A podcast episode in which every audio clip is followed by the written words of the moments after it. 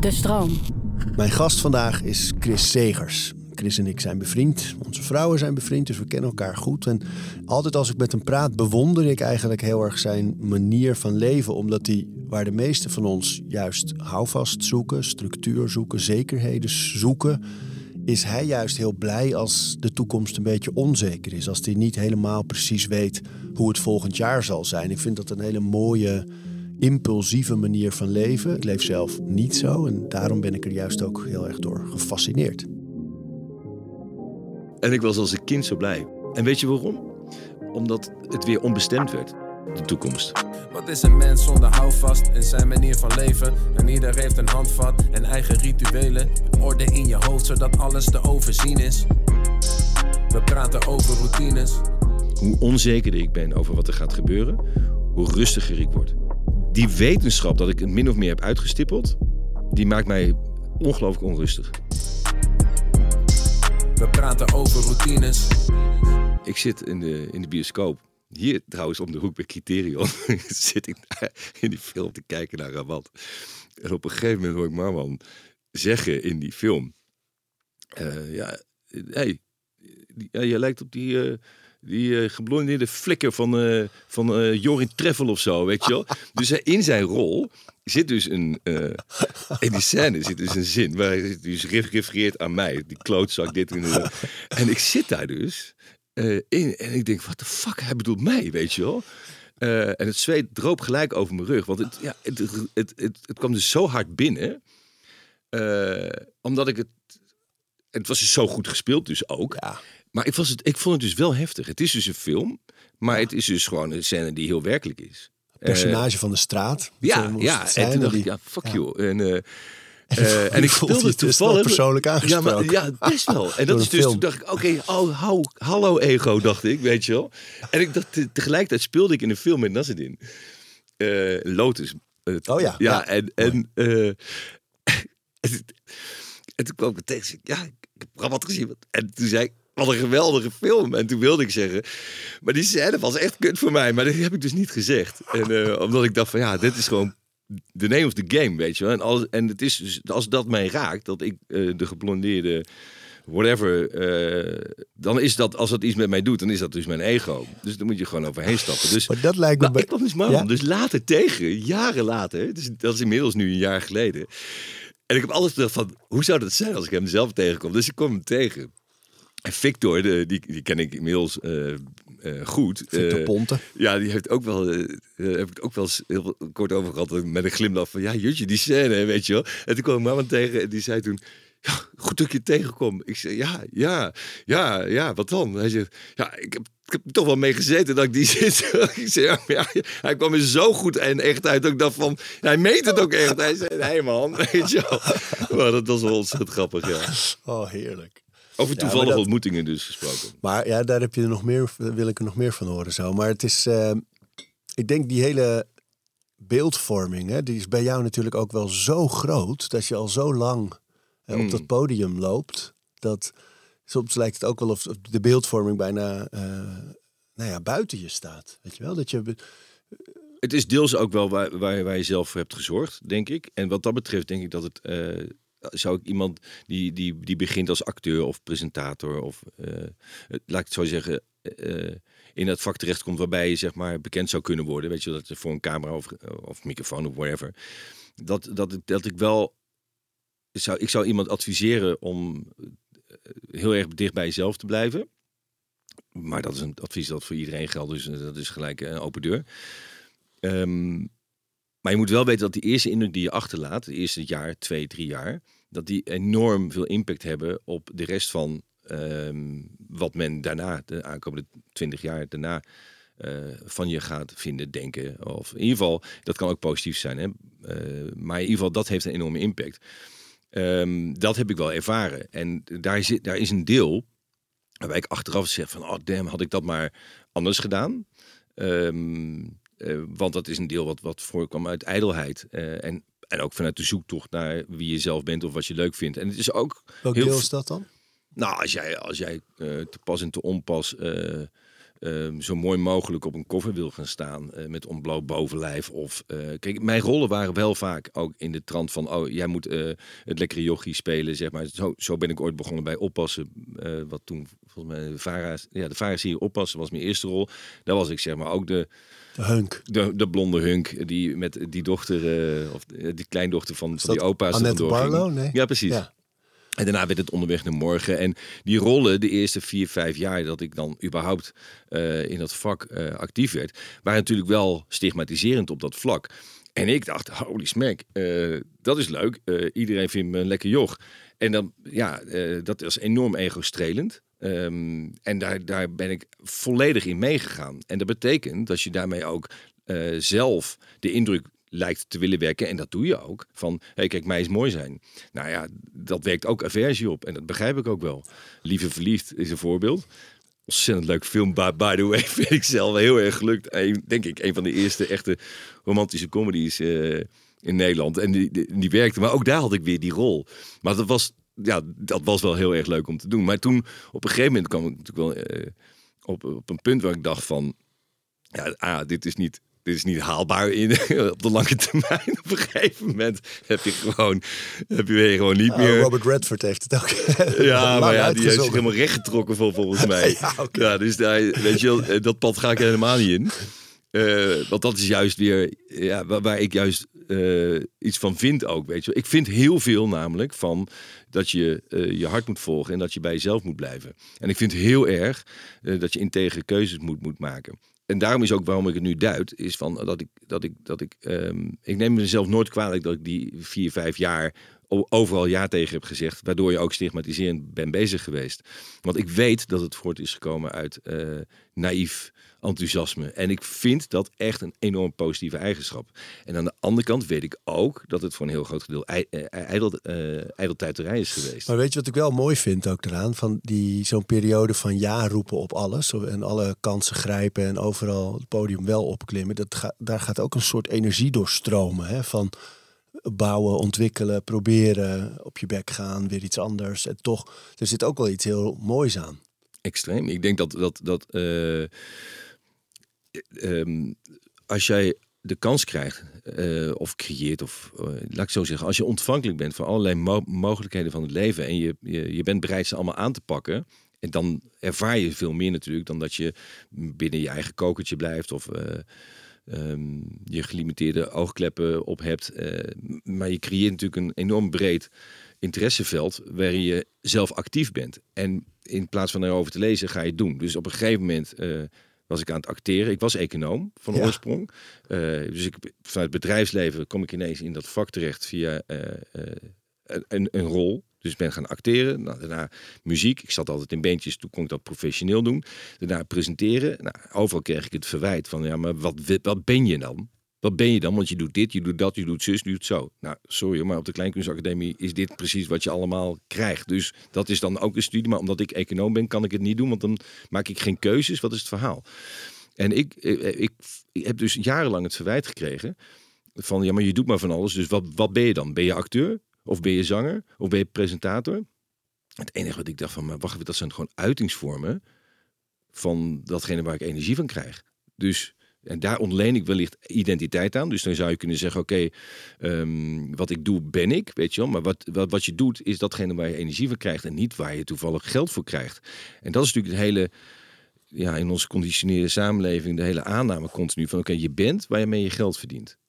En, En dan moet je ook blijven. en dan moet je blijven. Dat en, is het hokje waar we je in hebben. Dus Ja. dan moet je ook niet uitbreken. Nee, maar ik geloof nogal in een dynamisch leven waarbij je zeg maar eh, een proces doorgaat. En eh, ik ben blij dat ik anders denk dan 30 jaar geleden over bepaalde zaken. Dat betekent dat ik dus wellicht ook nu een andere behoefte heb in uitingsvorm in mijn leven dan 30 jaar geleden. Vind ik heel gezond. Dus ik krijg ergens anders energie van nu. Dan betekent dat toch dat ik iets anders moet doen dan 30 jaar geleden. En waar, of ik daar mijn geld mee verdien of niet, dat vind ik van onderzin belang. Maar op het moment dat je dus ergens, oké, daar krijg je geld voor, dus dat ben je. Dus wij ontlenen onze identiteit meer dan aan datgene waar wij ons geld mee verdienen, dan waar we onze energie van krijgen. Ja. Vind ik raar. Is zeker raar en ook zonde. En ik denk ook dat heel veel mensen daarin vastzitten, omdat ze er ook niet meer uit durven. En ik vind dat heel mooi aan hoe jij leeft. Eh, het is heel erg op de improvisatie natuurlijk allemaal. En, ehm, want ik vind het zo leuk om even, het wel even goed te behandelen van je, dan ben je econoom, echt eh, gewoon officieel. Hoe je dan bij acteren komt. Je bent nog profvoetballer in Japan geweest. Ja, Singapore. Singapore, Singapore. Maar kun je eerst eens vertellen van econoom naar dat acteren? Van, het is niet iets, ik neem aan dat niet een regisseur op straat op je afkwam en zei: hey, we hebben een rol voor je. Nee, nee, maar jeetje, Arie, dit is. Hoe lang duurt je podcast? Hey. oh joh. eh, Is er niet één moment geweest? Ja, nou ja, er is één moment. Kijk, het, het is vrij anekdotisch allemaal. Maar ik, ik kan je wel vertellen dat, dat als kind van tien wilde ik profvoetballer worden. Maar op mijn dertiende was wel duidelijk dat dat niet ging lukken. Dus daar was ik van afgegaan. Omdat ik me- meisjes eh, en, en sigaretjes en eh, biertjes en feestjes veel interessanter begon te vinden. En toen ik 17, 18 was, dacht ik van, ja, weet je wat, ik ga economie studeren. Want dan stel ik min of meer mijn keuze uit. Ehm, want ik weet nog niet wat ik wil worden. En mijn algemene studie als economie kan ik nog alle kanten op gaan. Dus toen was ik klaar met mijn studie. Eh, en toen kreeg ik een baan als econoom in Singapore. En toen dacht ik van, nou, dit klopt dus helemaal. Want het gaat fantastisch. Want ik ga naar Singapore, weet je wel. Dat was ver weg. En alles wat ver weg is, dat vind ik interessant. Want het is onbekend. En alles wat onbekend is, daar gaat mijn hart van kloppen. Dus ik dacht, oh, Singapore. En, eh, en toen kwam ik daar. En ik wist natuurlijk, oké, ik ging werken in het bedrijfsleven. En de eerste dag op kantoor zat ik echt achter het computertje. Toen dacht ik, oké, dit is dus het begin van de rest van mijn leven. De hel is begonnen. Want iedereen zegt ook, het is wel grappig, als je op school zit, hè, dus als je scholier bent of als je student bent, ehm, dan zeggen alle mensen die in diezelfde positie hebben gezeten en ouder zijn, dus die, dus, of nou je ouders zijn of de tantes en ooms of vrienden die al werken of op televisie, in podcasts, ze zeggen allemaal van, oh ja, ja, ja, nou, eh, geniet maar van die tijd. Het is de mooiste tijd van je leven. Nou, en dan denk je, ja, dat klopt, want ik heb het heel leuk. Maar als je erover gaat doordenken, dan denk je op een gegeven moment van, maar wacht even. Dat impliceert dus dat als ik zo meteen klaar ben met school, middelbare school of studietijd daarna, dat het dus allemaal minder wordt met je levensgeluk. Nou, wat is dan het vooruitzicht van jongeren? Dat je dus denkt van, oké, als mijn jeugd over is, dan begint het mindere deel van mijn leven. Dan heb je dus nog je hele leven voor je. Dat is fucked up, man. Ja, En dat geloof is ik ook niet trouwens. Geloof ik ook helemaal niks van dat het Is zo ook niet is. zo. En nee, alleen dat is wel. Ik generaliseer en ik chargeer misschien eventjes, maar dat is wel de consensus die je best wel vaak vindt. En dus ook wat jij voelde toen je daar zat. Absoluut, En absoluut. toen? En toen, eh, toen zat ik dus eh, achter mijn bureau die eerste werkdag. En ik dacht, en het zweet brak me uit. En het was dus echt niet omdat het Singapore was en warm, maar omdat ik dacht van, fuck, ik ben nu gewoon in de, ben erin getrapt. ik ben erin getrapt. En, eh, en dat heb ik toen twee maanden volgehouden. En eh, toen kwam ik eh, op een eilandje in de Zuid-Chinese zee. En daar hield ik letterlijk, en dat is een hele lange anekdote, maar ik ga hem heel kort vertellen. Dat ik gewoon, ik, liet, ik hield letterlijk tussen een paar jongetjes van 8, 9 jaar, hield ik een paar keer de bal hoog en deed een hakje een, en, en, en een tikkie. En er was een oudere man en die zat blijkbaar in het bestuur van de profclub in Singapore. Die zag dat en die. eh, die heeft mij uiteindelijk een contract aangeboden bij een profclub in Singapore. En daar, zit nog, daar zitten zes hoofdstukken verhaal tussen, maar die laat ik even nu. Maar, en toen ben ik dus profvoetballer eh, geworden. Toen ben ik gestopt met mijn baan. Waarvoor ik dus was opgeleid en waarvoor ik leningen had afgesloten om die studie te halen. En dan noem het allemaal maar op. En wat allemaal zo goed eruit zag op je cv. En weet ik allemaal dat soort gelul. Ik ging voor 40 dollar per week ging ik profvoetballen in Singapore. En ik sliep op de bank bij, eh, bij iemand die ik 40 daar had dollar per week. Ja, ja, hij had wel gezegd dat het 100 dollar zou zijn per seizoen. Maar dat seizoen was nog niet begonnen. dus ik kreeg 40 dollar per week. En, eh, en ik was als een kind zo blij. En weet je waarom? Omdat het weer onbestemd werd, de toekomst. Dus in plaats van dat ik vast zat ineens in het keurslijf in een bedrijf van oké, nu moet ik dus in dat keurslijf van bedrijfsleven en carrière en ambitie en planning, moet ik dus nu een soort pad uit gaan stippelen. En dit is het eerste eh, stapje, weet je wel. Oké, eh, ik zit nu achter die computer, ben nu junior marketing consultant van eh, een Frans Kaasje. En dan, dan ga ik daarna, word ik dat en dan. En uiteindelijk kom ik op die en die positie, weet je wel. Dat is,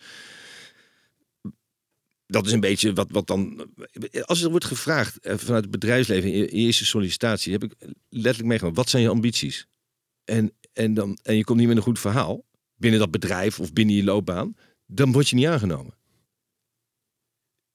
Als je zegt, ja, weet je, ik laat het gewoon gebeuren... en ik ben ontvankelijk voor de toekomst. Als je dat zegt, eh, volgende... Ja. Weet je wel? Dus, dus ik dacht, ik kan mijn eigen natuur helemaal niet volgen. Want mijn eigen natuur is dat je ontvankelijk bent van wat er komt. Maar wat er komt, weet je niet. Dat is namelijk de toekomst. Dat weet je niet. Dus laat, laat ik gewoon ontvankelijk zijn en zorgen Dat als ik nu datgene doe wat, wat klopt, of wat in ieder geval goed voelt. En of het klopt of niet, is helemaal niet interessant. Maar als het goed voelt, dan is het wel oké. weet je toch? En dan komt er op mijn pad in principe logischerwijs iets dat ook weer klopt. Dus als je je nu goed voelt, dan hoef je niet zo bang te zijn voor de toekomst. Dus toen ik loskwam van die baan, omdat ik dacht van ja, ik zit hier iets te doen waarvan ik echt waarvan ik voel dat het niet klopt, omdat ik niet geloof in die carrièreplanning. Ik geloof niet in die baan van een regelrechte A4 en aan het einde weet je waar je uitkomt. Nee, ik werd ineens profvoetballer, terwijl ik helemaal niet goed kan voetballen. Het is ook gewoon een beetje de alchemist van Paulo Coelho. Hè? Die op een gegeven moment dan, die heeft allemaal dromen en die heeft allemaal plannen als kind. En dan gaat hij gaat wandelen en dan gaat hij werken en dan komt hij in die modus van verwachtingen van anderen. Ja. En dan op een gegeven moment eh, besluit hij dan inderdaad toch maar om die eigen dromen te gaan volgen. En meer, meer op het hart, meer op gevoel. Het is helemaal dat verhaal. Het is dit verhaal. En, dat, en ik heb, van de week heb ik het toevallig eh, heb ik iets opgeschreven. En toen had ik zoiets. Uh, toen kwam er uit van dat je je, vindt, je bevindt je als jongere van die leeftijd. En dan heb ik het zeg maar over 16 tot, tot, tot 30 eventjes, weet je wel. Dat is een fase dat je in de Bermuda driehoek van verwachtingen zit. En probeer daar maar uit los te komen dan moet je mazzel hebben. En ik heb de mazzel gehad dat ik uit loskwam. Is het mazzel? Jawel, het is, nou ja, het is A, het begint bij ontvankelijkheid, om in contact te kunnen komen met die mazzel. Maar je moet wel degelijk ook uh, uh, um, daarna ja zeggen. En dat is dat deel wat je dan zelf waarschijnlijk kan doen of moet doen. Want ik had natuurlijk ook uh, duizend keer nee kunnen zeggen in dat traject. Om, kijk, dat profvoetbal is het eerste verhaaltje in, dat, in, in die reeks. Want toen ik daar tegen ja zei, zei ik ook ja tegen 40 dollar uh, per week en of uh, per maand. Uh, was, nee, per week. en op een bank slapen. Maar wat ik ervoor terugkreeg, was dat mijn toekomst weer vrij lag en open lag. En dat het niet wist wat daar ging gebeuren. Maar, en de... maar wat is het bij jou dat jij dat zo omarmt, wat ik echt heel mooi vind? Terwijl de, er ook heel veel mensen zijn die beangstigt dat juist. Van Hmm. die willen juist een pad voor ogen hebben. Vandaar gek, want daar zitten zekerheden bij en inkomen en Ja. veiligheid voor hun gevoel in ieder geval. Wat, Ja. wat is het? Nou ja, daar, daar staat van natuurlijk ook bij. eh, we hebben allemaal eigen behoeftes. En voor, wat voor de een zekerheid is, is voor de ander onzekerheid. Dus als ik een zekerheid zou hebben wat ik over vijf jaar doe, dan word ik daar heel ongelukkig van. Hoe onzekerder ik ben over wat er gaat gebeuren, hoe rustiger ik word. Wat dat betekent voor mij, als ik onzeker ben wat er gaat gebeuren, dan weet ik dus niet hoeveel mogelijkheden er wel niet op mijn pad komen. Als ik dat uitsluit door exclusief voor één mogelijkheid te gaan, want ik weet over vijf jaar met deze baan of met dat inkomen of met die, nou noem het maar op, je kan het in je hele eh, leven toepassen. Eh, die wetenschap dat ik het min of meer heb uitgestippeld, die maakt mij ongelooflijk onrustig. Wat dat betekent voor mij, en dat is niet, niet fear of missing out, hè, maar dat betekent voor mij dat ik zomaar de natuurlijke levensloop eh, eh, afknip. En dat betekent dat ik dus minder ervaringen ga eh, hebben aan het einde van mijn leven. En het is niet zozeer dat ik op jacht ben naar een ervaring. Het is niet zozeer dat ik op jacht ben naar een herinnering die een geweldige anekdote maakt. Het enige wat er gebeurt volgens mij in het leven is datgene wat onverwacht gebeurt, is datgene wat je onthoudt. Dus op het moment dat ik iets ga plannen waarvan ik min of meer kan, kan, kan uitvogelen wat het uitkomst is, vind ik het minder interessant worden. En daarom is het zo, vind ik, kloppend dat ik uiteindelijk ben gaan doen wat ik ben gaan doen. Dus eh, als ik een reis maak, is dat min of meer hetzelfde. Want ik laat liever een reis ontstaan onderweg. Want de ontmoetingen die je zeg maar onderweg ehm, hebt met mensen, dat zijn volgens mij eh, de toevallige ontmoetingen die je gaat on- onthouden, toch? En een reis die brengt je van A naar Z, maar wel eh zigzaggend en meanderend. En dat is zeg maar min of meer voor mij de, eh, ehm, de, de metafoor die, die, die, die ik kan toepassen. Dus ik vind het heel logisch dat ik dat reisprogramma ben gaan doen, omdat reizen daar min of meer voor, voor staat. Maar dat is ook allemaal maar ontstaan vanuit trial and error. Want het is niet zozeer gezegd dat als ik ehm, eh, mogelijkheden in mijn leven eh, zie of aanpak of wat dan ook, dat dat per definitie mijn mogelijkheden zijn en dat het lukt of wat dan ook. Maar dat is volstrekt oninteressant. Ik heb totaal geen waardeoordeel op datgene wat ik doe, of dat een succes wordt of niet. Dat heb ik wel gehad natuurlijk, maar achteraf is het niet interessant. Als je dus bent gaan doen vanuit je natuurlijke, intrinsieke gevoel van oké, dit wil ik nu. Eh, en of het dan lukt of niet, is niet zo interessant. Want het was op dat moment blijkbaar datgene wat je te doen had. Zoals in sport ook altijd zeggen, je moet niet bezig zijn met dat eindresultaat, maar met het proces daar naartoe eigenlijk. Want daar gebeurt het en daar zit het, het plezier en, het, eh, en de groei eigenlijk ook. Ja. Maar toch, hè, die, om, die toevallige ontmoetingen, dit is wel echt extreem bij jou. Dat Ja. je die manier die je nu beschrijft van in het leven staan en van openstaan eigenlijk. En ook wel durven iets aan te gaan. Hè, dat je wel iemand dan aanspreekt. En Ja. Dat doen veel mensen natuurlijk ook niet. Die zien het, blijven dicht, hebben iemand gezien en dat is dan het verhaal. Maar jij, maar jij gooit iets open. Kun je vertellen over die dat je gebeld werd door die manager van JLo? Ach, jezus. Ja, Dan kun je een club regelen. Ja, dat was ja, hij, ik, eh, ik werkte met hem. Hij was haar eh, eh, producer of vriend of ieder geval. En ik werkte met hem. Eh, dat, ach, dat is het zo. eh, in ieder geval. ik kwam terug in Nederland eh, na dat jaar Singapore en ging acteren. En mijn muziek is datgene wat me mijn hele leven al ehm, in, in, in verroering brengt. Op welke manier dan ook. Dus naar, om naar te luisteren. En vanaf jong, jongs van speel ik in bandjes. Zing, ik. En dat is iets wat, wat, wat ik altijd, wat me altijd heeft geraakt. En waar ik, waar ik gewoon ontzettend gelukkig van word. Ehm, dus ik heb op een gegeven moment een kans gehad om in de muziek ook daadwerkelijk te werken. Of laat ik het zo zeggen. Ik zal altijd op een podium muziek willen maken. En met een bandje. En of het nou op een podium is of gewoon achter in een schuur. Want dat doen we ook nog steeds. Gewoon eh, rammen en knallen. Weet je dat is voor mij inwisselbaar. Beide is te gek. Maar hoe meer mensen, hoe meer energie, hoe leuker. Ehm, dus op een gegeven moment kreeg ik de kans om daar ook daadwerkelijk professioneel mijn geld mee te verdienen. Toen dacht van ja, maar die moet- ik ook pakken. En dat was, eh, dat was met eh, een producer, een Amerikaanse producer. Of tenminste, hij is van de Bahama's, Jerry DeVoe. En Jerry, dat, was, eh, dat is de neef van Lenny Kravitz. Maar die zijn samen als broers opgegroeid. Dus Jerry had ook allemaal liedjes voor Lenny gemaakt. En ja, voor ik het wist, nou, dat is een krankzinnig verhaal. Maar voor ik het wist, zat ik dus in de studio met deze mensen. En dat heb ik drie jaar heb ik dus me daarin bewogen en waren we platen aan maken. En maakte ik liedjes met eh, Craig Ross, de gitarist van Lenny Kravitz. Ik zat naast Lenny eh, met oud en nieuw met eh, de meiden van TLC en die dude van de Smashing Pumpkins, Billy Corgan. en als intimie, weet je wel. Het is niet als van dat je te gast bent als interviewer of programma maken of wat als je ergens een keer à la Ivo Nui op een bank mag zitten en dan ze zogenaamd allemaal hebt ontmoet. Nee, dat is gewoon, dat is gewoon, dat dat vind ik niet zo heel interessant. Nu ben je ineens met elkaar in een soort van eh, sociale eh, omgeving. Waarbij je the gewoon- locals XXL. ja, Ja. En, en, eh, en ik heb me jarenlang daarin gewerkt, bewogen. En, en uiteindelijk dus kwam daar een plaat uit. En, en het was ontzettend interessant, het hele proces. Want ook zwaar, want ineens zie je dus de beperkingen die je hebt. Als je naast Lenny Kravitz in de studio staat en je hoort hem iets zingen, dan moet jij gaan zingen. Dat is wel andere. Dan denk je van, wacht even, het is toch iets anders dan een school bent, weet je wel. Maar ook daar staat er valt alles met, durf je jezelf eh, te laten gaan? Eh, eh, of laat je je gedachten de overhand nemen. En, en dan ga je naar de beperking van, oh jezus, zo goed ben ik helemaal niet zoals wat hij doet. Want wat hij doet daar is ook maar gekomen vanuit vertrouwen. Hij heeft ook die eerste keer eh, in zo'n eh kerkkoor, wat hem betreft, eh, gestaan en gedacht van, oh, diegene die naast me staat kan veel beter Hoe zingen. kom je daar? Want dat lijkt me waardevol voor iedereen. Weet Ja. je? Dat je iedereen twijfelt aan. er is altijd wel iemand net iets beter, net iets verder, Ja. knapper, wat dan ook. Hoe kom je daar dat je dan toch terugstapt in het vertrouwen en denkt: nee, maar ik moet vanuit plezier en dat het dan weer gaat werken? Nou, precies dat woord wat je zegt, het vertrouwen. Je, je, je creëert vertrouwen door te doen. Ehm, en ja, ik- het eerste wat ik zeg tegen, eh, te- tegen mijn zoontjes, als zij eh, eh, faalangst hebben of iets dergelijks, van ja, maar die is beter. En dan denk ik, nou, van ja, maar er is altijd, altijd iemand beter in datgene wat jij zou willen of kunnen of wat dan ook. Maar het is niet interessant.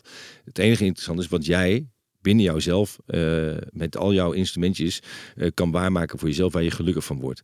En of je daar goed in bent of niet goed, uiteindelijk qua resultaat, dat is dus per definitie oninteressant.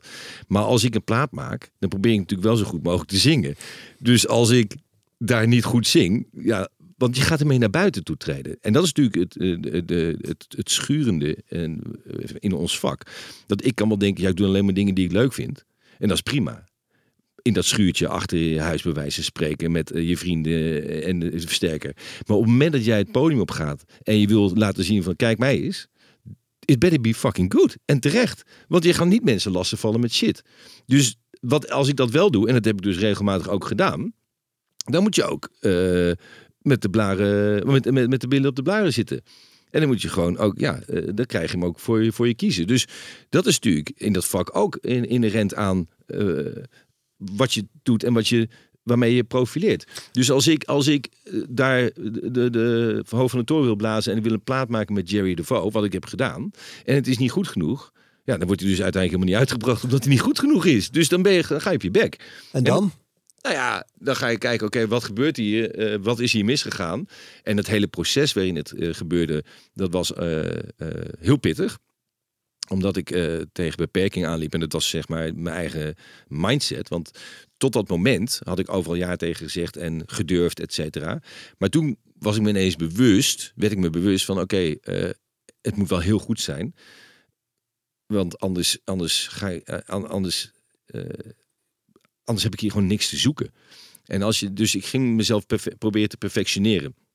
En dat is gewoon een heel dun lijntje. Als je daar te veel over gaat nadenken, uh, dan wordt het niks. En als je de middelvinger omhoog steekt en denkt van, joh, luister, ik kan zingen. En ik weet dat ik kan zingen. En fucking hell, dit is het. Zo gaan we het doen. En je neemt dus de lead daarin dan kom je veel verder dan dat je denkt van oké, okay, ik hoop maar dat het goed genoeg is. Ik hoop maar dat het goed genoeg is, want iedereen vindt hier iets van. Iedereen vindt hier iets van. En oh jee, eh, ik ga zo meteen met Craig Ross de studio in. Uh, maar die is normaal met Lenny in de studio. En nu met mij, weet je wel. Ja, onzekerheid. En vanuit die onzekerheid, normaaliter, kan je juist uh, proberen houvast te vinden in uh, vertrouwen wat je moet opbouwen. En dat had ik helemaal niet opgebouwd. Kijk, als jij je hele leven al muziek maakt en je schrijft eigen liedjes, maar dat had ik niet gedaan. Ik was gewoon zanger in schoolbandjes en daarna hobbybandjes. Was dat ook voor het eerst? Deze aflevering van Overroutines wordt aangeboden door Squarespace. Een alles-in-één platform waar je je eigen website kunt bouwen en beheren. Het maakt niet uit of je producten, diensten of je passie met de wereld wil delen. Het kan allemaal bij Squarespace. Ik noem even kort drie handige functies van het platform. Met het ontwerpsysteem kan je makkelijk je website vormgeven en het helemaal eigen maken. Squarespace analyseert hoe je website presteert en wat er voor nodig is om je bedrijf online verder te laten groeien. En ook kan je abonnementen en exclusieve content aanbieden aan betalende leden. Start nu je gratis proefperiode via squarespace.com/overroutines. En ben je klaar om je website echt te lanceren? Gebruik dan de code overroutines. Dan krijg je 10% korting op je eerste aankoop van een website of domein. Ik denk steeds aan de circuleerde laatste uh, toen het weer zoveel jaar geleden was dat Prince gestorven was. Twee, denk ik. Nou ja, circuleerde een fragment van hem uh, over, uh, over de socials waarin die zei van ja, je maakt als artiest maak je iets. En dat is eigenlijk alleen van jou. En op het moment dat je het af hebt ben je eigenlijk tevreden, dan ben je gewoon blij met dat iets af is en dat je het gemaakt hebt. En hij zei als het naar buiten gaat, komt ineens het, het oordeel van anderen erbij. Gaan mensen er iets van vinden, gaan er naar luisteren, hebben er een gevoel bij, recensenten zeggen er iets over, maar dat is extern. Zei, het moeilijkste als artiest is bijna om dat los te laten. En alleen maar te kijken, nee, ik heb dit nu gemaakt. En dit was mijn proces. En ja, dat wat daar allemaal mee gebeurt, ja, daar heb ik geen invloed op eigenlijk. Ja, klopt. Het lijkt me heel moeilijk. Ja, is het ook. En maar je moet wel, je kan niet voorbij gaan aan het feit dat ook het uitbrengen, de, het, het, ik denk ook voor Prince, um, dus ook voor de grote der aarde, dat het ook wel heel fijn is dat mensen daar iets van vinden uh, in positieve zin. Want daar worden ook enorm veel vruchten van geplukt natuurlijk. Als je het echt niet wil, dan breng je het gewoon niet uit.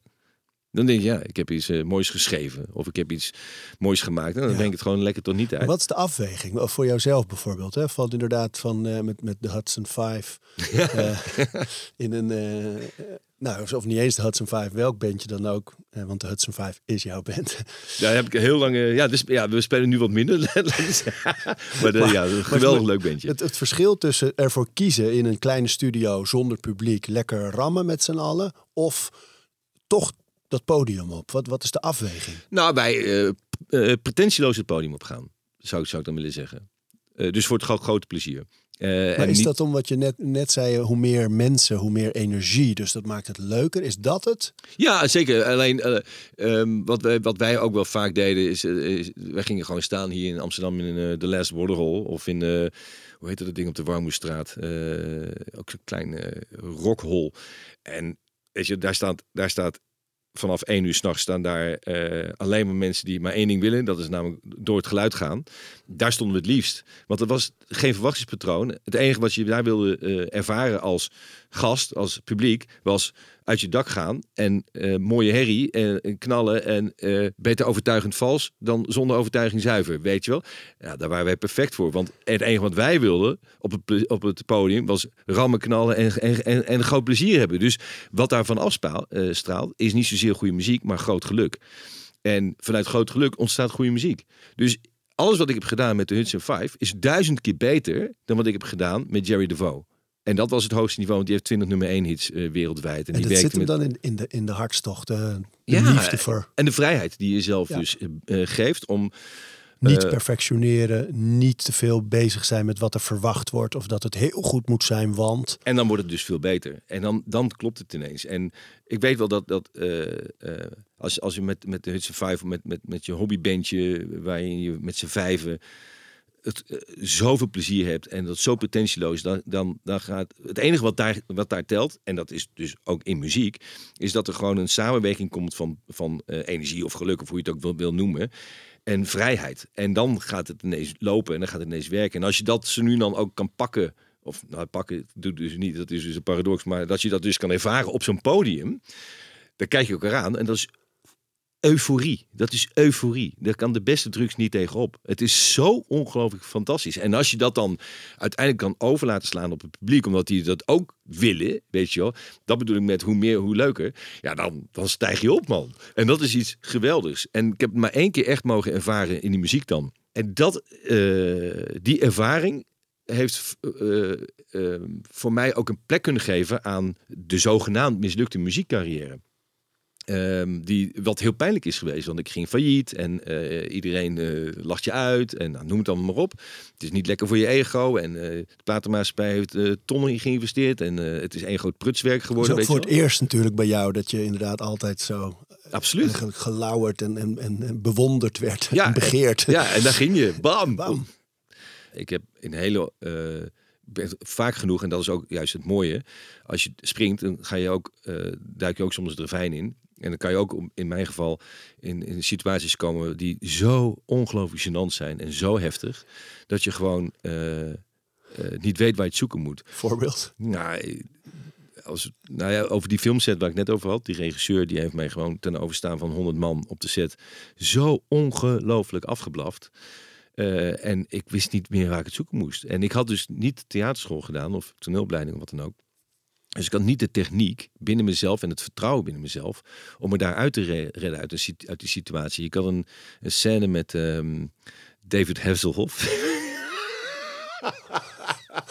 Over stigma's gesproken. Ja, en David Hasselhoff en Karen Allen, een goede actrice overigens, Indiana Jones, weet je wel. En eh, eh, Grace Jones zat ook nog in die film en Omar Sharif. Dus het was wel het was een, een mooie, een mooie wat potpourri van, eh, van mensen eigenlijk. Maar goed, ik had die scène en eh, dat ging helemaal mis. Dat ging naar alle kanten mis. En eh, ik deed iets niet goed in de ogen van die regisseur. En dat kan. Dan kan je er op twee manieren mee omgaan als regisseur. Je kan zorgen dat je acteur beter gaat spelen. Nou, daar heb je ook weer duizend manieren voor. Of je, gaan, of je kan gewoon zorgen dat hij gewoon helemaal niks meer goed doet. En dat, dat deed hij. Door mij gewoon ten overstaan van 100 man gewoon helemaal tot op de grond toe af te fakkelen. Waarmee ik freesde eigenlijk. Omdat, en een goed acteur, ehm, die zorgt in zo'n situatie voor van oké, ik grijp terug op eh, mijn basis. Of eh, een houvast die je misschien met je toneelopleiding eh, creëert. Of in de praktijk ook kan leren, weet je wel. Want niet elke opgeleide acteur is een goed acteur en niet elke goede acteur is opgeleid. Dus, dus dat, en ik hoopte dat tweede te zijn. Ehm, maar vanuit de onzekerheid die me daar eh, ten deel viel op, die set, freesde ik juist. En ja, heb ik gewoon zeven, acht keer precies hetzelfde gedaan in die scène. En zeven, acht keer werd ik met de grond gelijk gemaakt. En toen waren er twee keuzes van oké, ik, kan, ik kan nu de set afstappen. En eh, eh, mezelf beschermen en gewoon eruit stappen en dikke middelvinger naar deze productie en deze, deze regisseur. Of ik blijf staan ik doe weer precies hetzelfde. Totdat deze man mij normaal bejegent en zegt hoe ik die scène dan wel moet doen. Want hij zei ook niet hoe ik het wel moest doen. Hij zei, you better don't fucking ruin my movie, zei hij.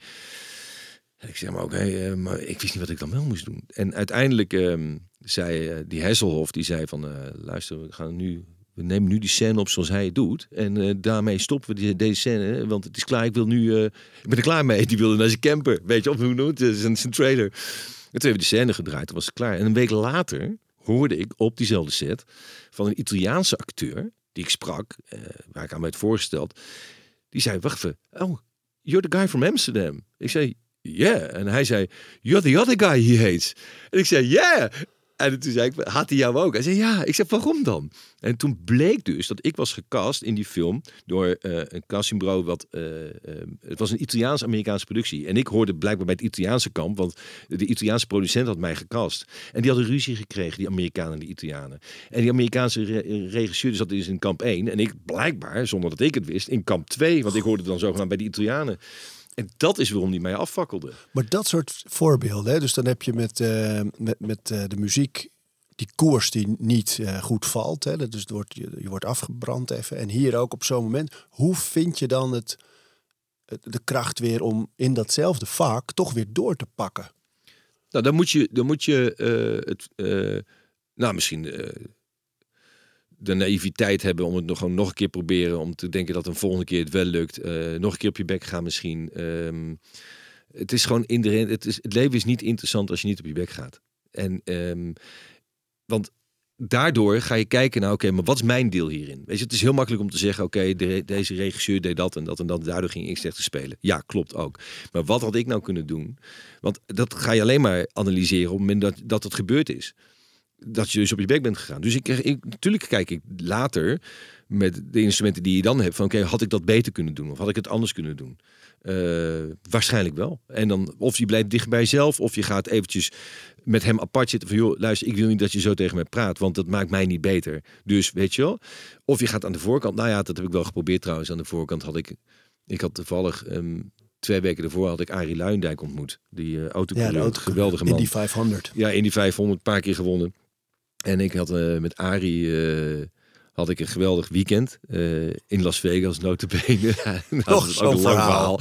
Maar um, hij won daar een race en ik was de gast bij hem. En dat was een geweldig iets. En bleek dat Arie heel goed bevriend was met die Hesselhoff. En twee weken later ging ik in Marokko die film met die Hesselhoff maken. Dus ik dacht, nou, dit is fantastisch. Dus want ik kan zo bij die Hesselhoff, de grote ster of een van die sterren van die film, kan ik heel lekker binnenkomen als tegenspeler. Als ik zeg van joh, je moet het goed hebben van Arie Luijendijk, weet je wel. En Arie zei ook, ja, je moet hem goed doen. Dus dat was ook een geweldige entree. Dus de eerste dag op de set loop ik naar die Hessel. Ik zei, hey, Arie says hi, weet je wel. Nee, ah, do you know Arie, weet je wel. Nou, dus het was geweldig. En daarnaast zat blijkbaar die regisseur. En die hoorde dus wie ik was. En die wist dat ik dus een bepaalde welke kamp Amsterdam, kamp, kamp, uh, ja, kamp Italië. Italië. En die keek mij niet eens aan. Dus, maar ik dacht, oh, er zit een dude naast, naast Hesselhoff. Dus die gaf ik ook maar een hand. En, uh, en dat bleek dus de regisseur te zijn. oh, you're the director. Dus ik in mijn nou ja, zoals ik ben, enthousiasme. Hey, I'm, I'm doing Ferengo, weet je wel, die rol van Ferengo. Zo van, heel leuk hè, we gaan morgen samenwerken. Jij bent de regisseur. Nou, hij zei niks terug. Hij keek me echt met vuurspuwende ogen aan. Ik denk, nou ja, uh, ik dacht, oké, okay, nou, dit is een beetje een man die niet van uh, enthousiasme houdt of zo, weet ik veel. En de volgende ochtend bij het ontbijt, toen uh, ik had moest een scène spelen en ik dacht van ja, wat je normaliter namelijk doet, is heel even met je regisseur gaan, ga je zitten en dan ga je even zeggen, joh, uh, wat vind jij van, van die rol of hoe vind jij dat ik dit moet spelen en zo. Dus hij zit zijn muesli te eten en ik denk, nou, ik loop even langs die regisseur. Ehm, dus ik, ik stoor hem blijkbaar. ik zeg, joh, wat verwacht jij van die scène, weet je wel? Hoe wil jij dat ik hem insteek of zo als uh, in mijn rol? En hij keek niet eens op van uh, zijn musli. Hij zei, uh, did you read the script? Ik zei, yeah, of course. So you know. Ik zei, yeah, I, I have an idea, of course. Weet je wel? Dus hij, ik zei, but what do you want? En hij keek niet op van zijn musli. Hij zei, did you read the script? Niet. En ik zei, yeah so you know. En toen liep ik heel rustig weg. Dat was het begin van, van de dag dat ik moest gaan draaien. Gaan filmen. Dus dat was... ehm, dat zette de toon wel. En hoe ga je daar dan later mee om? Kan je daar tegen wapenen? Ongetwijfeld. Maar ik niet op dat moment. Eh, jong, ehm, onervaren. En dus, als jij als acteur eh, het vertrouwen hebt dat je goed genoeg bent, dan red je je daaruit. En dat is natuurlijk iets wat ik. En dan komen we eigenlijk terug op datgene waar we het net over hebben, over het oordeel van anderen. Ik, eh, ik blijf het als acteur moeilijk vinden om een rol neer, neer te zetten. Maar weet je, daar zit denk ik ook wel echt een mooie les voor iedereen die luistert en denkt van die niet op een set staat, maar wel het gevoel herkent dat je ergens de vrees om door de man te vallen, niet goed genoeg te zijn, eh, anderen zijn beter. En hoe je daar dan toch die, eigenlijk die angst en onzekerheid instapt en het toch gaat doen. Da- daar zit iets moois natuurlijk, iets waardevols voor iedereen. Wat, wat Ja. is dat? Nou, het, het is als ik. ehm, het is waar je zelf. eh, het is heel simpel. Als ik het podium op ga en ik ga, ik ga een anekdote vertellen over eh, reis, reizen. Weet je, in brede zin reizen of mijn reizen. Of, eh, of ik ga het vertellen over dat ik anekdotisch misschien vanuit als econoom ineens in dit vak terecht ben gekomen. Hoe dat gekomen is en wat ik eruit heb gehaald. En waarom ik het interessant vind om dat te delen met bijvoorbeeld studenten of mensen uit het bedrijfsleven of iets dergelijks. Ik ga op die manier op een podium staan. Dan ben ik helemaal senang en er is er niets met me aan de hand. En dan voel ik me krachtig en in mijn kracht. En dan denk ik van kom maar. En dan kan iemand zo kritisch zijn als ik weet niet wat. En iemand kan er ook iets van vinden. Maar dat raakt me niet. Want ja, dit is wat ik, waar ik voor sta. Op het moment dat ik op een set ben en ehm, ik, dan word ik kwetsbaarder. Omdat ik dus voel. En dat is zo grappig, hè? Als je dan 25 jaar, dan moet je dus ben je de 50 gepasseerd inmiddels. En nog steeds word je onzeker dat je dus niet die acteur bent die opgeleid is. Nou, daar heb ik dus wel, wel wat in te doen. En dat is dus niet dat diegene die mij daarom beschimpt iets heeft te doen. Want hey, dat, dat, dat vind ik een loser. Maar wat doe je dan? Ja, weet je, ik, heb die, dan, ik zeg dus tegen iemand die het podium op gaat, zeg ik van, joh, don't worry, weet je wel. Want het is gewoon lekker bij jezelf blijven en het is oké, weet je wel. Als je bij jezelf blijft, is het goed. En ik zie mezelf, dus ik kijk naar mezelf op weg naar die filmset en ik zie dat ik precies hetzelfde doe. Dat ik ook dus weer terug naar mijn, naar mijn kwetsbaarheid ga. Nou, het goede is, dat als jij kwetsbaar bent, dan sta je ook open voor om meer te leren weer, weet je wel. Als je dus meer twijfel hebt over het leven of over datgene wat je doet, sta je, ben je ook ontvankelijker voor goede aanwijzingen bijvoorbeeld. Eh, en daar is dus een continue eh, nou, zoektocht vind ik overdreven, maar een continu spel van balans vinden tussen zelfvertrouwen en kwetsbaarheid. En eh, onzekerheid en vertrouwen. Weet je wel, dat, dat is een continu spel.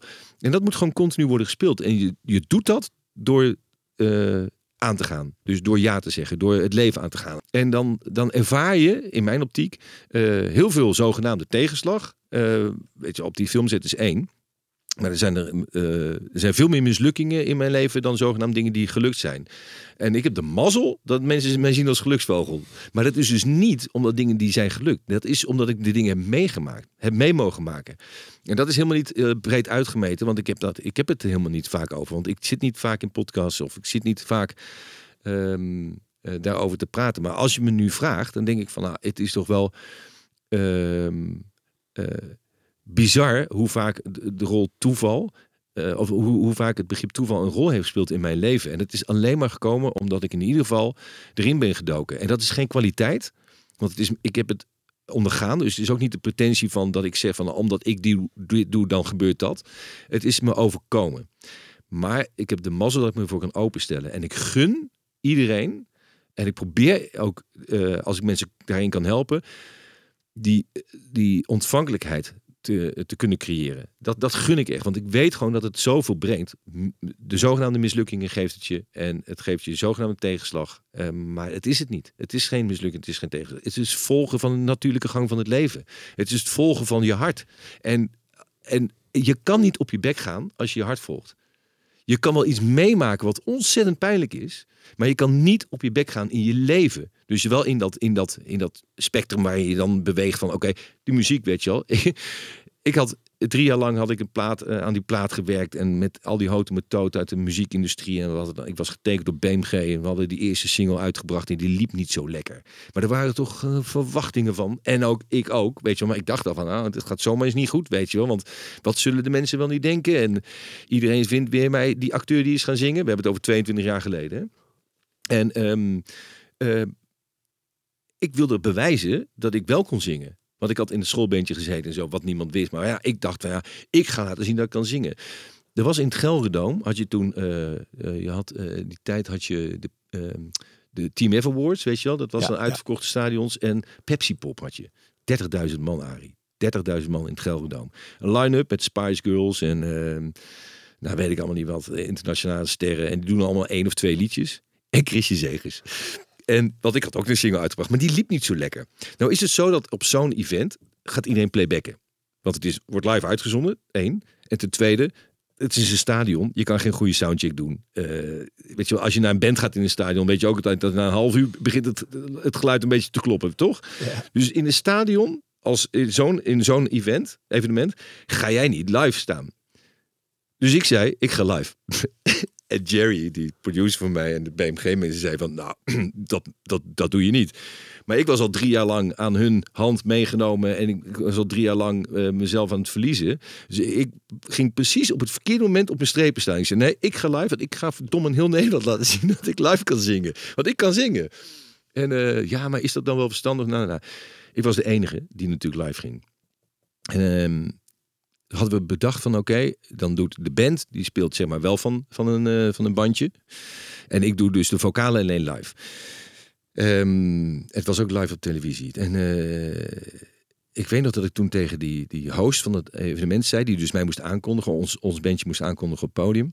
Zei ik van, joh luister, die muziek wordt ingestart. Eh, maar dan ben ik nog niet bij mijn microfoon, wat ongeveer 15 meter lopen is in zo'n groot, op zo'n groot podium. Ik zeg dus, je moet, jullie moeten pas de muziek instarten als ik wel bij mijn microfoon ben. Weet je, na de aankondiging. Ja, nee, dat is goed, dat is goed. Ik heb dat twee of drie keer gezegd. Dus die band stond opgesteld in het Gelderdoom. 30.000 man. En ja, ik ben nerveus. Want ja, het liep al niet lekker met die carrière van mij in muziek. Dus ik dacht, it better be good, weet je wel, vandaag. Dit is, hier hangt wel wat vanaf. En ehm, ik weet nog dat ik achter dat gordijn, of achter die, ja, ik kom gewoon dat podium op. En die host die gaat van het podium af en de muziek wordt ingestart. En eer ik bij mijn microfoon ben, zijn we nou, zeker zeven seconden verder. Want ik ben nog gaan rennen zelfs. Maar ik kom daar en ik mis natuurlijk de cue waar ik had moet moeten gaan zingen. Maar als jij op een podium bent en je hoort ook nog eens een keer in een stadion waar ik helemaal geen ervaring mee had, muziek op een hele slechte manier terug vanuit je, eh, vanuit je. Oh ehm, man, lijkt wel een droom. het was verschrikkelijk. De, eh, dus dus eh, van, vanuit je mo- monitor hoorde ik, hem, hoorde, ik, hoorde ik hem ook niet goed. En, en ik weet dus niet waar we in het liedje zitten. Ik hoorde dus alleen het instrumentaal. Ik denk, waar, waar zitten we nou? Waar zitten we nou? Dus ik begin maar te zingen. Nou, ik zit halverwege het compleet, compleet verkeerd. Dus op een gegeven moment hoor ik ineens mijn band achter me het refrein inzetten. Ik denk, oh, we zitten in, het- in het refrein, joh. Ik heb 30.000 mensen stilgekregen. En niet omdat het goed was, maar omdat het zo intens slecht was. Zo slecht. En dan duurde die 3,5 minuut heel lang. En ik weet nog dat ik keek en ik zag allemaal jongens staan van rond de 20. En ik was toen, nou wat zal het zijn, eind 20. En die stonden allemaal met een vinger omhoog, een middelvinger omhoog. Van, ah, jij gaat op je bek, weet je wel. Dus het leedvermaak. En ik zag twee meisjes van 13 met een spanbroekje. Hup Chris. die stond ergens links in, het publiek. En toen heb ik dacht, oké, ik ga 3,5 minuut alleen maar naar hun kijken om mezelf te redden uit deze situatie. En alles eruit te halen en positief te blijven. En toen he- helemaal zeg maar zo gewoon gericht tot hun. Om me eruit te redden. En toen was het klaar. En weet je, ik weet niet hoe dat is voor jou, maar je weet dat als je in ons vak van een podium komt of van een televisieopname of, eh, of hoe, hoe, hoe dan ook. Je hebt altijd een reactie. Altijd. Mensen zeggen, hey, eh, je bent niet zo lekker bij stem vandaag. Of hey, eh, die scène die liep niet lekker. Of, hey, lekker man, weet je wel, er is altijd iets. Ja. Als het niet goed is, dan zeggen ze ook wel van... En het ah, begint vol- ook vaak met de Volgende vraag. keer beter, weet, je wel, wa- wat dan ook. Ja, of hoe vond je het? Vragen ze dan Ja, aan jou. precies, precies. Weet je wanneer het echt erg is? Als niemand iets meer zegt. En ik loop het podium af. En ineens... iedereen waar ik langs liep, had ineens losse veters. en ik ging ineens naar beneden en, en ergens anders naartoe kijken. En dat, eh, toen was ik een uur later op weg naar huis. En mijn moeder belt altijd. eh, toen ze toen eh, was dat. als ik iets deed op televisie, dan belde ze na altijd van. Oh, ja, je moet iets beter letten op je uitspraak. Of, of dit of dat. Of, of het was leuk, weet je wel. En ze belde niet. Het was de eerste keer dat ze niet belde. Dus ik denk, oh, nou, ik belde maar. Dus ik belde haar op. En toen zei ze ook, ze nam op, toen zei ze, dag jongen. En dat had ze ook nog nooit gezegd in mijn leven, dag jongen. Maar toen zei ik, van, eh, heb je gekeken? Ze zegt, ja, ja, ja, ik heb gekeken. Ze zegt, je moet me één plezier doen. Ik zeg, wat dan? Je moet dit nooit, nooit terugkijken. Dus om aan te geven hoe, eh, hoe, eh, hoe heftig het kan zijn, weet je wel. Dat je ook dus zeg maar die kant meemaakt. En het heeft me uiteindelijk niet weerhouden om eh, toch weer eh, wel dat podium op te gaan. Want ik heb eigenlijk daarna heb ik bedacht van, oké, weet je... eh, op dat moment maak je het ook groter dan het is. Hè? Want uiteindelijk ben je 3,5 minuten op televisie op je bek aan is het voor gaan. jou groter dan voor anderen. Voor jou is het Ja. veel groter dan voor anderen. Dus, dus waar hebben we het over? Ja. En maar die is, Pink Floyd kwam daarna. Dus dat ja, was, jaren later. Ja, Eh, ja dus bijna dat- tien jaar kijk, later. ja. Daar zit het volgens mij ook. Hè, dat je, je hoopt in je leven natuurlijk op een paar van die momenten dat alles op een mooie manier samenvalt. Ja. Die, eh, of dat ineens je werk klopt met waar je, waar je hart sneller van gaat kloppen. Of waar je echt, echt van houdt. En dat ineens kloppen alle facetten. Dat maak je niet heel vaak mee. Maar ik krijg bij jou heel sterk het idee dat je wel, je stort je voortdurend in dingen. En soms ineens lukt het je al die facetten bij elkaar te krijgen. En Ja. dan, en dan, dan, dan dans je op de golven. Ja. Maar je durft ook er gewoon erin te springen. Ja, maar dat is wel. grappig genoeg is dat zeg maar in die uitingsvorm die ik blijkbaar heb gevonden in mijn leven, of het nou muziek is of film of eh, presentatie, is dat maar zelden eh, eh, eh, goed gekomen. nee, serieus. Ik, wil, eh, ik heb dat wel bij Pink Floyd ervaren. Dus in die muziek is dat Pink Floyd, als je het hebt over, het was en goed om naar te kijken, en het was eh, eh, een enorm louterend iets voor jezelf van oh wat is het geweldig om dit mee te maken. Wat heb ik hier wat haal ik hier geluk uit in, professionele zin? Hoe eh, dat je op een hoog niveau zeg maar kla- klassieke muziek dat ten tonele brengt. En ehm, en dat je daar gewoon dat, dat het gewoon helemaal klopt. Ik heb het ook in de muziek meegemaakt met bandje Huts en Five het grote plezier en iets wordt goed per definitie als het als je er geluk van krijgt. En dat is één grote geluksfactor geweest. Dus het was per definitie goed. En, en grappig is, het, het zijn gewoon communicerende vaten. Want het werd ook echt steeds beter, weet je wel. En ik denk ook dat, dat we echt gewoon een goed bandje waren. En als we nu weer gaan spelen ook zijn.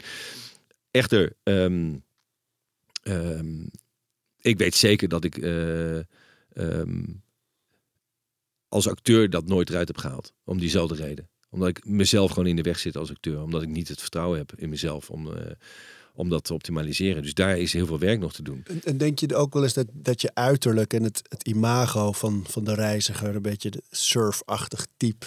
eh, eh, Heb je ook wel eens- eens surfen? Ja, maar dat is toch niet kapsel, zo, Arie? Dat is toch, Nee, maar is dat, zit dat dan ook niet in de weg? Nee, dat ze denken van meer. jij bent, jij bent dat en, en inderdaad het reizen is, is je handschoen, want het klopt. Want je bent die vrije geest en je bent het Zwitserleven gevoel en je bent... Maar je bent niet dat, want in dat hokje heb je iemand anders zitten. Ja, maar het is ook, het, ik ben er ook heel dankbaar voor. Want het, ehm, eh, het, is, het klopt ook. Weet je, ik ben ook, eh, ik ben eerder, ehm, ik, ik ben een reiziger die presenteert dan een presentator die op reis is. Dus dat, dus dat klopt ook. En, eh, en daarom, past het ook zo goed. Alleen, ehm, ja, toch, ik, denk dat er, laat, laat, ik het zo zeggen, want er, er ligt nog heel veel eh, in het verschiet altijd. En, en godzijdank weet ik niet wat. Maar eh, ik doe dat op die manier en ik weet dat het goed is. En als je, als je, niet, ja, als je iets anders wilt, nou, dan moet je iemand anders vragen. Maar ik weet dat dat. En dat als ik diezelfde houding eh, zou hebben op een filmset, dan zou ik veel beter spelen. 100%. En, en dat zou hetzelfde zijn met als, als morgen eh, eh, en een, een ander format zou liggen wat niet reisgerelateerd is. Ehm, oh, ik, met Margriet van Van der Linden Ja, hebben we de Moltalk. Mo- Moltalk gedaan. Dat was, weet je wel, dat was ook. ik- Mijn hart lag heel erg bij Wie is de Mol, want ik had een ontzettend leuke ervaring daarmee gehad. Het was live televisie. Margriet is een ongelooflijk fantastisch mens, goede vriendin. En wij, eh, wij zijn gewoon Moltalk gaan doen daar. Eh, op zaterdagavond live. En ik, ik vond het fantastisch. Eh, en ik dacht van, nou, oh, dus dit is live televisie maken, weet je wel. En toen dacht ik ook van, nou, dan, zal, dan gaan we dus hier iets, iets meer mee doen. En dan gaan we hier, eh, eh, ja, waarom niet, weet je wel. En dan denk ik van, nou, dat, dat, is dan, dat ligt in het verschiet. En dus ik ben, daar ben ik nog steeds wel ontvankelijk voor. En dat het dan niet gebeurt, vind ik dan ook niet erg. Maar ik ben, ik ben nou blij uh, dat we die drie jaren hebben gedaan. En dus dan ben ik eigenlijk wel, heb ik van, oh, nou, dan hebben we dat, heb ik wel heel veel plezier aan gehad. Nou ja, die ontvankelijkheid, ik vind dat, dat vind ik heel mooi. En dat je gewoon, dat je het eigenlijk fijn vindt dat dingen niet vast liggen, waar de meeste mensen juist een beetje houvast zoeken in structuur en routines. Uh, oh ja, hoewel jij wel, ja, de, de, de, reden dat ik het nu noem is, noem is dat ik het zo grappig vind, is dat jij wel veel rituelen hebt. Dus je hebt wel uh, die liefde voor muziek en de manier waarop je daarnaar luistert, waarop je het speelt. Um, hoe je je voorbereidt op dingen, denk ik toch ook met, met, met podia. En uh, de manier waarop je je kleedt heeft met rituelen te maken. Je zoekt je kleding, uh, denk ik, echt wel ergens. Hè? Je hebt je bronnen, je hebt je dingen. Daar zitten allemaal rituelen achter eigenlijk. En het grappige is, toen wij eh, even heen en weer appten nog over de, de, de opname, dat je zei, ja, ik ik, ik leef op improvisatie, dus ik weet niet of ik veel routines heb. Maar dat, en het grappige is dat heel vaak gasten dat zeggen. Ja, dat kan. Dat, op het moment dat ik het typte, dacht ik van, dit zegt iedereen. Ja, maar, maar het, het leuke is dat, weet je, de mens is nou eenmaal zo geprogrammeerd dat als je je veters strikt, doe je dat altijd op dezelfde manier. Tanden poetsen ook. Dus dit, het leven zit vergeven van. Uh, of zit vol met routines. Maar ik wilde nog over één ding heel graag met je hebben. Dat ik dacht, ik moet je niet laten gaan als we het daar niet over gehad hebben. Want jij... Toch weer die J-Lo? Nee, nee, nee, nee, nee. Dat, nee, dat verhaal was simpel. Je werd gewoon gebeld door die manager. Ja, ik was blij dat op een maandagavond een club regelen in Amsterdam. Ja. Terwijl maandag horecaavond alles dicht. En uh, ja. het is je nog gelukt ook. Nee, nee, het ja. mooie was... Nee, het mooie, dus hij belde ze kwam uiteindelijk niet, toch? Ja, nee, ze kwam uiteindelijk niet. Want hij belde me op op maandagmiddag. Hij zei, ja, uh, even... Want ik had, ik had haar wel eens een keer eerder ontmoet al. In, uh, in diezelfde entourage. Oh, oogverblindend mooie vrouw ook. En ontzettend vriendelijk. En, uh, en dus hij dacht, oh, dat is een 1 en 1 is 2. Uh, Chris gaat wel even met haar op stap. Want ze, moeten, ze moesten de volgende dag in Amsterdam zijn. Dus ze vloog op maandag naar Amsterdam. En ik moest haar dan mee uitnemen. Dus hij belt me op en zegt, joh, kan jij zorgen dat vanavond Jennifer een beetje een leuke avond heeft in Amsterdam? Ik zeg, hoe laat hoe laat komt ze? Ze ja, ze is om acht uur. Dus ik denk, holy smack. Ik moet dus vanavond met Jennifer Lopez op pad in Amsterdam. En ik moet het even regelen voor haar. En we gaan één op één, weet je wel. Uh, dus ik zeg, maar ben je serieus? Ze zegt, ja, ja, ja. Ik laat haar door die en die. En die kan ik ook even ophalen. En ga ze naar het hotel. En ze weet dat jij haar gaat bellen. En het komt allemaal goed. En bla bla. Dus ik dacht, dus ik hing ook op. Ik dacht, oké. Hoe ga ik dit doen? Waar ga ik naartoe met haar? En uh, toen heb ik een vriend gebeld, die had een, uh, een club in Amsterdam. Ik gedaan, ja, ben jij open vanavond? Hij zegt, nee, het is maandag. Ik zeg, oh, kan jij open gaan vanavond? En wat mensen regelen of zo. Hij zegt, ja, ja hoezo? Dus hij, zei, oké, dat ga ik doen. En uh, het, het, was best wel stormachtig weer. En toen een half uur of een uur later, en ik was echt best wel nerveus. Want ik dacht van, oké, hoe ga ik gewoon wat, wat, wat, wat, wat, wat, ga ik, waar gaan we het over hebben, weet je wel? Ik moest nog even ergens een hapje eten misschien met hem. Uiteindelijk belde hij op. Uh, ik denk een uur later dat haar vlucht was gecanceld omdat het stormachtig weer was. Dus toen ging het niet door. En hoe raar het ook is, maar uh, want eigenlijk is het natuurlijk fantastisch als je zo'n ervaring kan hebben. Natuurlijk wel, weet je wel, het is J-Lo. Maar ik was, ik was opgelucht, man. Ik dacht, oké, okay, gelukkig, ik ga gewoon op tijd, op tijd naar bed vanavond. Er stond wel een club vol mensen dus op maandag. Nee, ik heb gelijk hebben gebeld. Oh. Oké, okay, cancel, cancel, het gaat niet door. Oh, maar nee, nee, nee, ja. die was eigenlijk niet. Hoewel die heerlijk is om nog wel even erbij te hebben nu.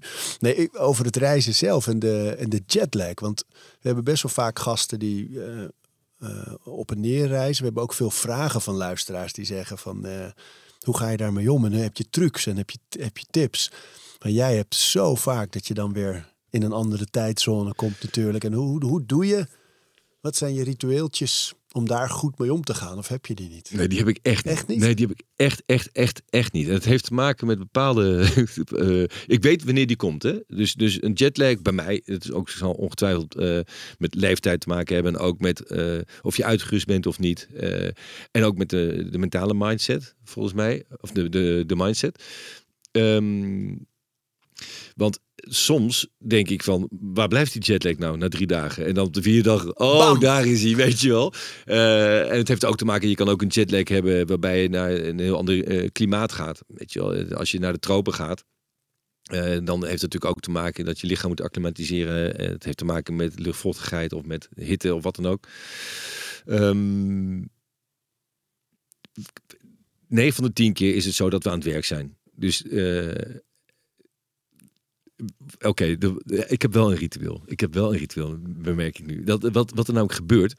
eh, wij hebben, eh, als ik jou even eh, ook als zodanig mag benoemen, als presentator soms eh, voor een camera. Wij hebben natuurlijk eh, de makkelijkste rol, laten we eerlijk zijn. Als je cameraman bent, dan, dan doe je elk shot. Dan moet je elk shot maken, eh, want zonder cameraman heb je geen beeld. Eh, dat geldt min of meer hetzelfde voor de regisseur. Die is daar altijd eens een, eh, hè, zij zijn een duo die gewoon min of meer altijd aan moeten staan. Als presentator sta ik alleen aan op het moment dat ik voor die camera dat moet doen. En daarna kan ik me even inlezen in wat we daarna gaan doen. Of ik kan heel even wegmijmeren. Of ik kan kijken in zo'n situatie van, hé, hey, dat is leuk. Dus dat kan ik natuurlijk suggereren aan, aan de regisseur of de camera van, hé, hey, moeten we niet daarmee iets doen? Tuurlijk, dat kan. Maar je kan ook als presentator denken van, poeh, die jetlag.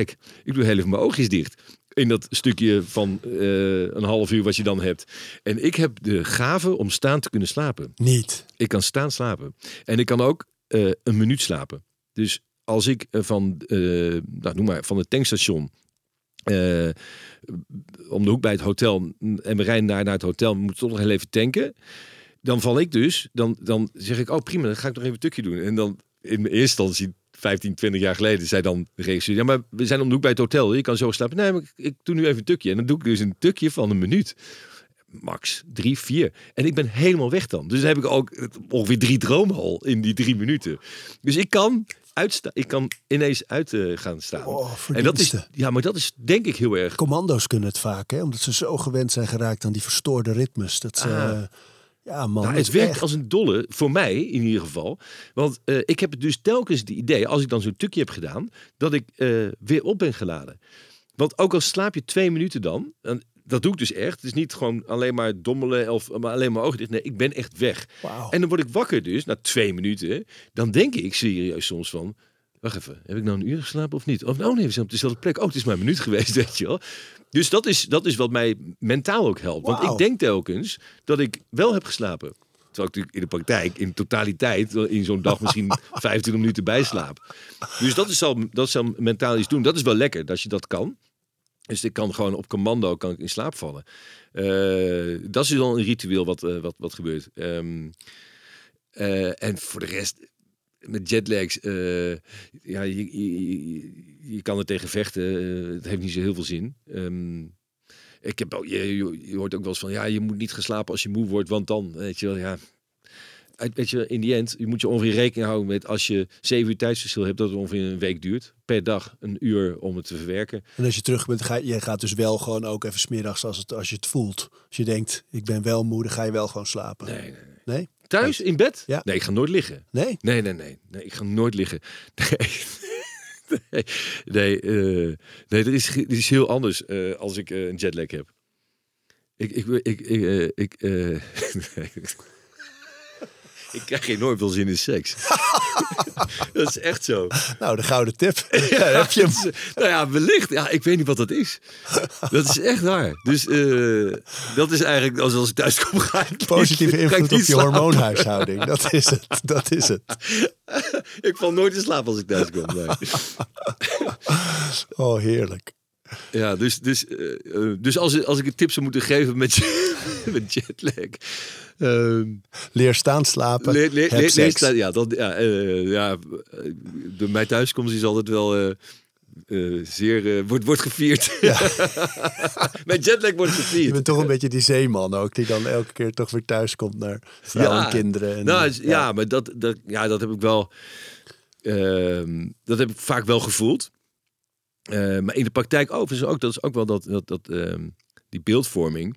eh, dat als mensen mm, eh, je, je zien lopen als je een reisprogramma maakt. Dat zal voor Floor Ja. niet, niet, niet anders zijn. Die denken, oh, maar die is altijd weg. omdat in beeld ben je ook altijd weg. Want Ja. in beeld, als ik op televisie ben, is dat altijd in het reisprogramma. Ja. Ik doe sporadisch andere Hey, dingen. ben je in het land? Ja. dus mensen denken, oh, hij is altijd weg. Terwijl ik, ja nee, dat is, ja, op beeld wel. Maar eh daartussendoor ben ik veel meer thuis dan dat ik weg ben. Dat zal voor Floor overigens iets anders zijn. Bas Heijnen had dat een keer toen hij zomergast eh, presenteerde. Dat hij ergens op Curaçao of waar dan ook eh, in de winter was. En ja, hoeft niet te werken hè. Deze het is, zo, het is alleen maar zomergasten jongens. Zes weken lang. dat is geweldig. Je bent even vrij hè. Ja. Oh man. Maar dat is wel, eh, ik vond dat wel, vind dat jij dat heel mooi doet. Ehm, als je thuis bent, ben je echt thuis. Ben je met je jongens, ben je met je vrouw, ben je, ben je zo aanwezig. Terwijl ik vond dat altijd heel moeilijk als ik. ehm, ik reisde niet zo heel veel voor televisie. Mijn meeste programma's waren vooral in Nederland. Maar als ik op reis was geweest, als, je als ik dan thuis kwam, was ook weer van alles. Dus ik, ik had altijd de mensen die hier dan waren, bijvoorbeeld in mijn, in mijn bedrijf, Vondelgym dachten ze als een soort vakantie, hè? want je bent in het buitenland. Kwam ik terug, dan eh, werd er van alles over de schutting gegooid. Van nou is hij er weer en hup erin. Ja, want hij is net twee ook op Terwijl vakantie daar ook aan het werk was, weet je. En tussendoor nog. En eh, ik vond het heel moeilijk om te schakelen. En als ik dan thuis kwam, dan eh, moest ik echt mijn best doen om helemaal aanwezig te zijn. Hoeveel zin ik er ook in had om een vrouw en, en, en toen nog één kind Ja. te zien. Maar ik vond het heel moeilijk. Ik vind dat jij dat op een hele mooie manier invult eigenlijk. Ja, maar dat is. ehm, dat komt wel door een aantal factoren, denk ik. Eén één- één factor is ehm, dat ik het geluk heb eh, die keuze te kunnen maken. Dat je. ehm, laat, laat, ik zo zeggen. Ik ben met weinig geld tevreden. Dus eh, ook met weinig inkomen. Als ik. eh, dus dat is een keuze. Ehm, maar dat is ook een luxe positie. Want ik kan me ook voorstellen dat, dat als je veel weg bent en je komt thuis, dat je nog moet werken omdat je geld moet verdienen. Dat zou bij een zeeman kunnen zijn, maar eh, en ik verdien niet veel geld bij, eh, bij, bij NPO. Maar ik ben wel in de gelukkige omstandigheid dat ik op een andere manier, waarbij ik niet mezelf helemaal over de kop hoef te werken, ehm, wel mijn geld kan verdienen. En dat is natuurlijk een luxe positie. Ehm, en Maar wat doe je dan op? nou, ik, ik kan op jaarbasis genoeg verdienen. Eh, ook door, eh, als ik hier ben, niet mezelf over kop te werken. Ja, Ehm, en dat is omdat ik dat financieel eh, kan, kan leiden. die achtergrond als econoom is wel een groot voordeel. Dat is misschien een voordeel, maar het heeft ook te maken met ehm, eh, vertrouwen. Want ik weet, ik, over een jaar, ik heb, ik heb nul inkomen over een jaar, dus ik heb geen zekerheid. Ehm, en ik weet niet of er dan nog een programma is als het reisprogramma. Ik weet niet of er dan nog een casting director of een regisseur is die met me wil werken. En ik weet ook niet. eh, En jij vindt dat een fijn gevoel. ja, ik heb er geen last van. En eh, ik ben me wel bewust van. Ik ben wel altijd bezig met een idee. Oké, hoe kan ik ehm, eh, de koppeling blijven maken van ergens energie van krijgen en daar mijn geld mee verdienen? Maar- En ook toen je kinderen kreeg, werd, werd dat. Want ik merkte toen ik kinderen kreeg dat ik meer nog de behoefte aan het bouwen van zekerheden kreeg. Omdat ik dacht, ik, ik moet nu. Ik moet nu, ik ben niet meer alleen. Weet je Ja. wel? Als het alleen was, maakte het niet uit. Absoluut. Ik heb al alle fases en alle niveaus wel meegemaakt wat dat betreft. Maar toen er kinderen kwamen, dacht ik, ja, maar nou wil ik Ja, toch terecht. wat zekerheid in. Dat heb, had je dat niet? Jawel, jawel dat, dat is dat, natuurlijk. Ik weet zeker dat eh, mijn, eh, de afgelopen tien jaar voor mij anders waren geweest op dat vlak. Als ik geen kinderen had gehad. Dus ehm, eens. Dus ik maak, maak ik andere keuzes eh, op financieel vlak. Ehm, het is een dun lijntje. Het is. Ik ben me. Ik ben. Ik heb een extreem groot verantwoordelijkheidsgevoel. Waardoor ik er altijd voor zal willen zorgen. En, en, en zorgen dat ik eh, zorg dat, eh, dat mijn kinderen een mooie jeugd hebben. Eh, maar het feit is, hoe dan ook, dat het enige wat daaruit voortkomt is een har- harmonieus, liefdevol gezin. En ja, op het moment dat je geldstress hebt, wordt het al snel minder harmonieus. Dus je wil zorgen dat bijvoorbeeld die geldstress er niet komt. Maar ik weet ook dat als ik dat eh, op een onnatuurlijke manier voor mij ga in- invulling ga geven, dan ga ik of dat geld niet verdienen, eh, of op een minder leu- leuke manier. Dus ik heb gewoon de, de grote ambitie om dat alleen maar te doen op een manier waarop ik voel dat het werkt. En het werkt alleen voor mij als, daar, eh, eh, als het positief is voor mij. En de, de kunst is om eh, ook daarin dan wel genoegen te nemen met wat je hebt. En ik heb dus niet de ambitie om meer te, eh, financieel meer, meer, meer te hebben dan dat ik eh, nodig heb. Met als gevolg dat ik inderdaad keuzes maak die mij financieel waar ik mezelf heel erg tekort heb gedaan de laatste tien jaar. Dus ik heb nooit programma's gedaan. Ik heb nooit commercieel iets gedaan waar ik niet achter stond, waar ik wel veel meer geld mee had kunnen verdienen. Want die opties zijn er ook geweest. En ik heb ze niet gepakt. Nou, dat betekent dat je, dat je alles behalve financieel onafhankelijk bent. Ehm, maar ehm, ja, ik heb er grensloos vertrouwen in dat ik volgend jaar uh, precies weer genoeg zou kunnen verdienen om mijn gezin te onderhouden. Want dat is mijn streven. En, en het is wel zo dat op het moment dat ik voel, en dat kan, dat, dat als dat niet meer klopt, niet meer werkt, dan, uh, dan, dan, dan zal ik als eerste uh, naar Singapore moet, gaan moet, moeten laten. computer gaan zitten. Huh? Naar Singapore gaan nou ja, en achter de computer gaan zitten. Nou ja, weet je, ik, ik, het eerste wat ik doe is, is allerlei dingen uitkleden waarvan ik nu nog geniet. Ik heb nog een oude, een oude Mustang, weet je wel. Een oude Mustang, die heb ik ooit gekocht toen het financieel heel goed ging. In Over de rituelen gesproken, als je dat wil onderhouden. Daar zitten boel rituelen omheen, hè? die hele auto uh, ja, is wereld dat... en dat goed houden. En oh dat, ja, ja. Nou, hij staat gewoon onder de doek. Oh. je, je, poetst en repareert Ja, nee, de zomer rijken mee. Maar goed, ik heb, ik heb wel, weet je, dat zijn bijvoorbeeld, dat, dat tegenwoordig waarschijnlijk wel een waarde. Dus dan, nou, dan heb ik al zitten denken, oké, ja, als ik volgend jaar geen inkomen heb, dan, dan gaat die er als eerste uit. Nou, dat is dan de name of the game, weet je wel. Ja. Maar wat ik zo mooi vind is dat veel mensen, dat jij zegt van nou ja, en, en dan volgend jaar, dat, ja, dan zien we wel weer. Maar dat je het vertrouwen hebt dat dat dan goed komt.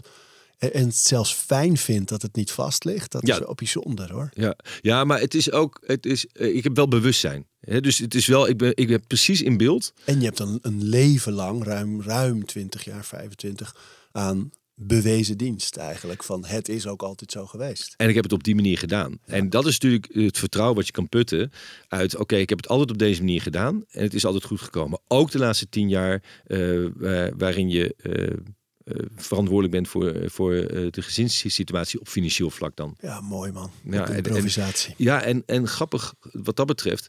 Um, als je dan soms wordt gevraagd, dan wanneer was je dan het meest uh, vrij of weet je wel, gelukkig en vrij gaat voor mij best wel samen. Juist die momenten waarbij ik op die bank sliep, waarbij zeg maar alles soort van vlinderend was. Uh, dat zijn natuurlijk verrukkelijke momenten ook geweest. Waarbij dus geld totaal geen rol speelde. Maar geld gaat natuurlijk wel een rol spelen op het moment dat, je de, dat er een aantal verantwoordelijkheden bij komen kijken. Maar die, die Bermuda driehoek zeg maar, van financiën, die is ook super, super uh, gevaarlijk. Want voor je het weet loop je jezelf in allerlei uh, financiële lasten te wringen. Met als gevolg dat je minder bewegingsvrijheid krijgt. En dan ineens zit je, wap, catch 22. En dan, dan denk je, oké, maar wacht, hier kan ik niet meer uit. weet je wel? Dat is natuurlijk ook tricky. En, uh, en dat, ja, dat is gewoon een continue toets van oké, zit, ik, zit ik in die driehoek of sta ik er wel buiten? Um, ik ben pas laat vader geworden. En dat helpt natuurlijk ook. Dan heb je al wel iets opgebouwd. Het heeft mij wel geholpen, zeg maar. Waardoor ik nu ook, ook makkelijker keuzes kan maken. Dat herken ik heel erg. Ja, is leuk ook. Laat, laat, laat vader worden. Ja, ja, ja. Ja, vind ik. Ja, ja. voor mijn rug is het, ook voor mijn rug. Zo man, dank. Leuk dat je er was. Ja, ja, ik, ja. voel dat we net gaan beginnen. Ja. Zet maar aan, Steven. En nog één French press. Ja. Nee, heel leuk. Dank, Chris. Jij ook, Harry. We praten over routines Dankjewel voor het luisteren. En voordat je weer doorgaat naar andere dingen, wil ik je nog even wijzen op Over Inspiratie. Dat is het mailtje dat ik elke donderdag rondstuur met drie tips. Dingen waar ik zelf veel aan gehad heb. Het kunnen producten zijn, artikelen die ik gevonden heb online, onderzoeken uh, Instagram-accounts, podcasts, boeken, van alles eigenlijk. En ik denk dat je daar zelf ook veel aan kunt hebben. Dus vind je het leuk om dat mailtje elke week te ontvangen? Dan kun je je opgeven op ariboomsma.nl onderaan de pagina. Dan krijg je voortaan elke donderdag in je mailbox over inspiratie.